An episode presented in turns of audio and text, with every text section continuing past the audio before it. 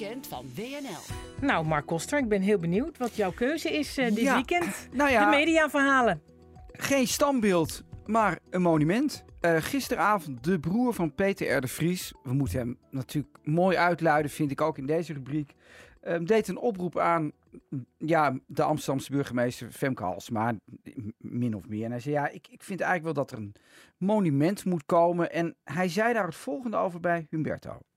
Ik hoop dat we met elkaar afspreken of dat er iets komt. Dat eh, eh, dat, dat werk wat Peter deed, dat dat gemeengoed gaat worden door gewoon een, een, een organisatie, een systeem dat gewoon zegt, ja, dit kan niet. Dat, eh, eh, wij gaan... Zou dat een standbeeld moeten zijn? Of zou het om het te herinneren? Of wat zou het moeten zijn? Nou, ik, ik, ik, eh, ik zelf zit niet te wachten op een standbeeld van mijn broer. ik zit wel te wachten op een monument voor Peter R. de Vries. En dat moet een monument zijn waar, waar we als maatschappij eh, stil bij staan. Eh, een, een soort monument waar je terugdenkt aan iets.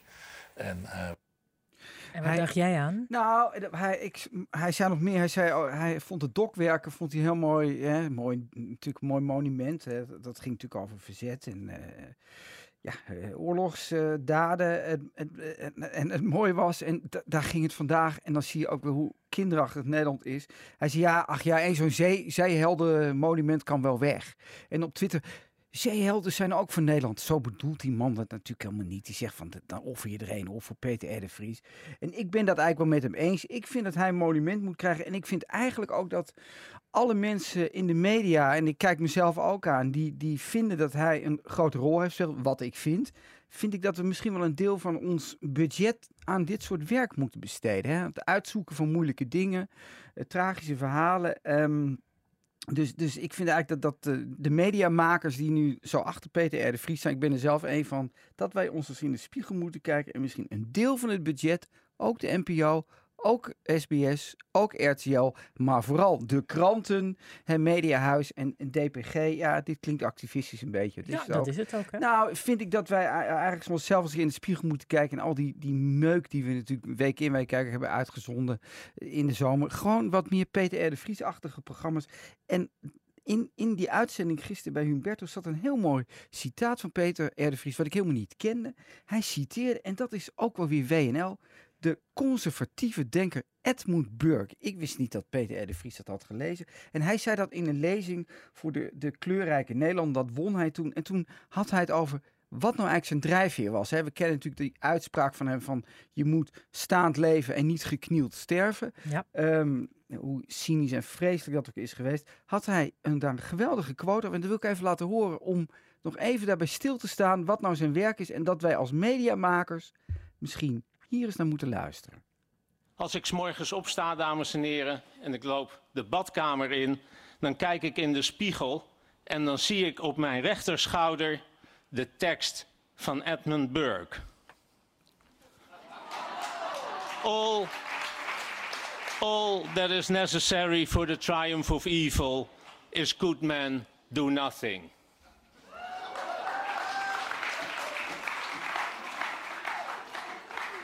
En dat is, dames en heren, omdat ik letterlijk, maar vooral figuurlijk in de spiegel wil blijven kijken als er in ons land dingen gebeuren die niet door de beugel kunnen en radicalen het heft in handen willen nemen waarmee andere bevolkingsgroepen worden gedupeerd.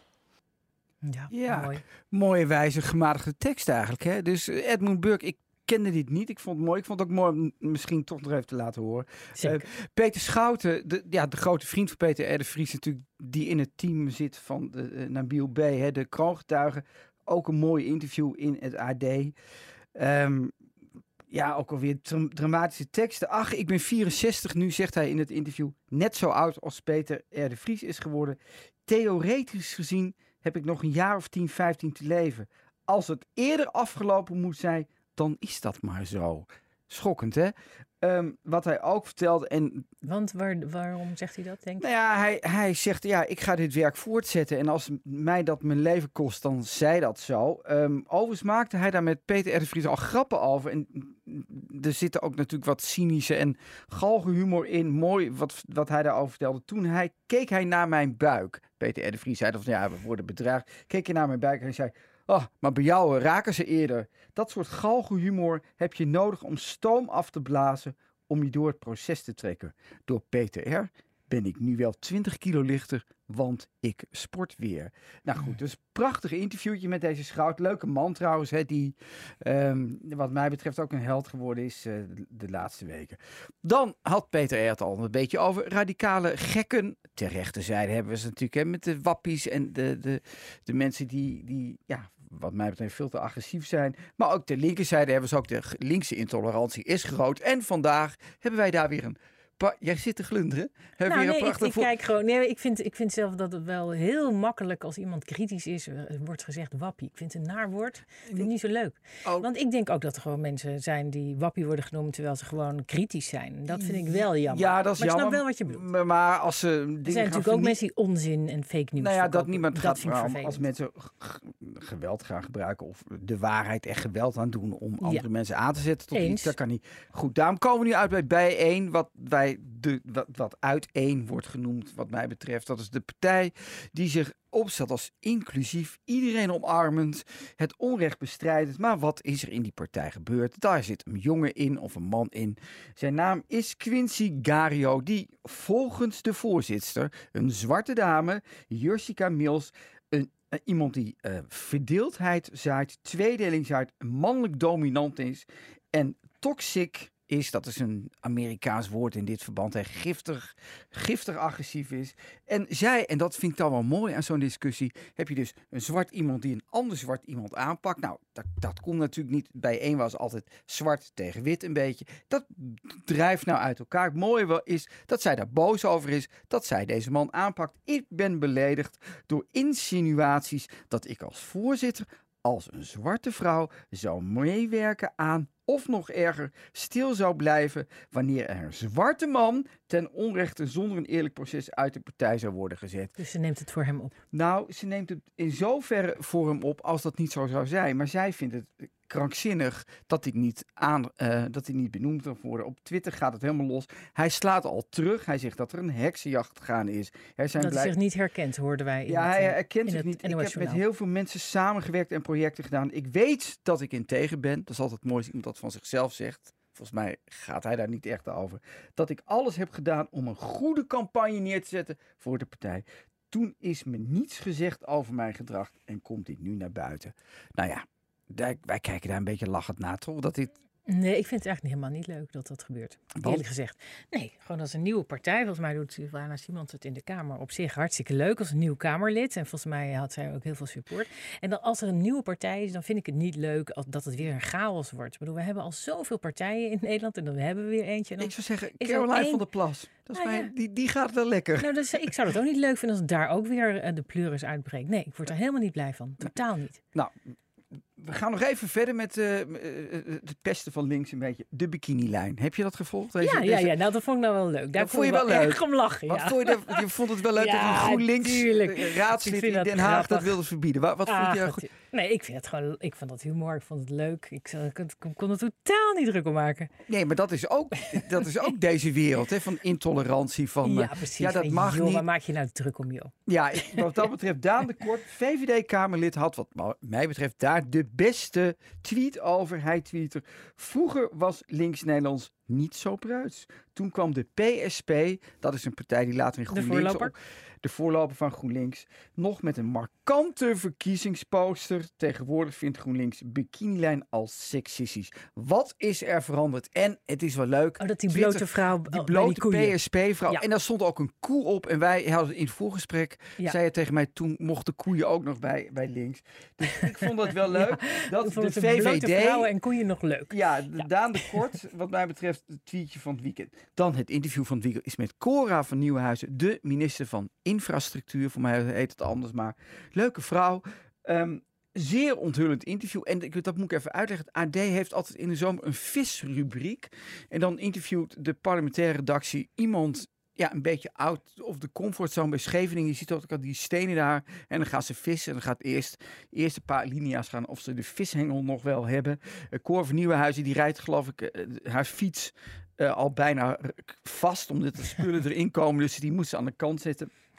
Maar een zeer onthullend interview. Uh, met name over, en ik wist dat niet, haar uh, doodgeboren kind. Daar praat ze over. Als er iets gebeurt, dan probeer je daar de zin van in te zien. Mijn eerste kind is tijdens de bevalling gestorven. Het is moeilijk te verdragen dat het zomaar een dom noodlot is, zegt ze.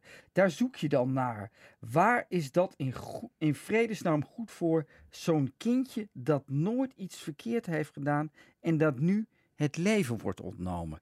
Ik wist dat niet, ik kende dat niet. Um, ze zegt ook van ja, ik ben niet gelovig. Zegt, maar toch zoek je dan naar een soort verklaring, maar die is er niet.